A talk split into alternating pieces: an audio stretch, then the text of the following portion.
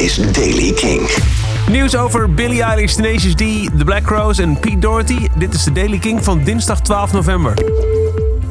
Het gerucht ging al een poosje rond en nu is het ook officieel waargemaakt. Billie Eilish released morgen, 13 november, een nieuwe single. Haar eerste nieuwe muziek sinds het debuutalbum When We All Fall Asleep Where Do We Go uitkwam. De track gaat heten Everything I Wanted. De Black Crowes hebben inderdaad een volledige tour onthuld om de 30ste verjaardag van het debuutalbum Shake Your Moneymaker te vieren. 46 data. De tour begint op 17 juni in Austin, Texas en duurt tot 19 september in LA. Alleen maar Amerikaanse data. Maar wie weet wat er voor het najaar van 2020 of de rest van 2021 nog op de stapel staat.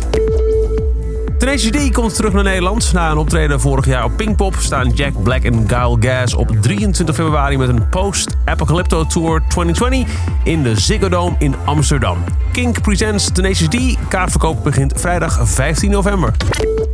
En Pete Doherty kon je gisteren vertellen dat hij twee dagen in een cel had gezeten in Parijs wegens drugsbezit.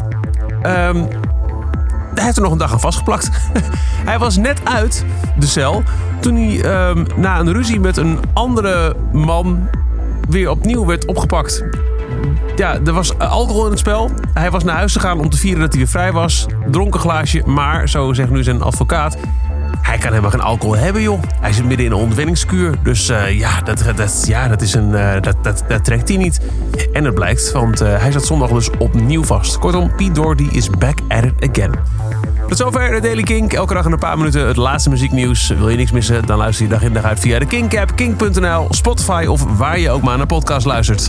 Elke dag het laatste muzieknieuws en de belangrijkste releases in de Daily Kink. Om Daily Kink aan je smart speaker.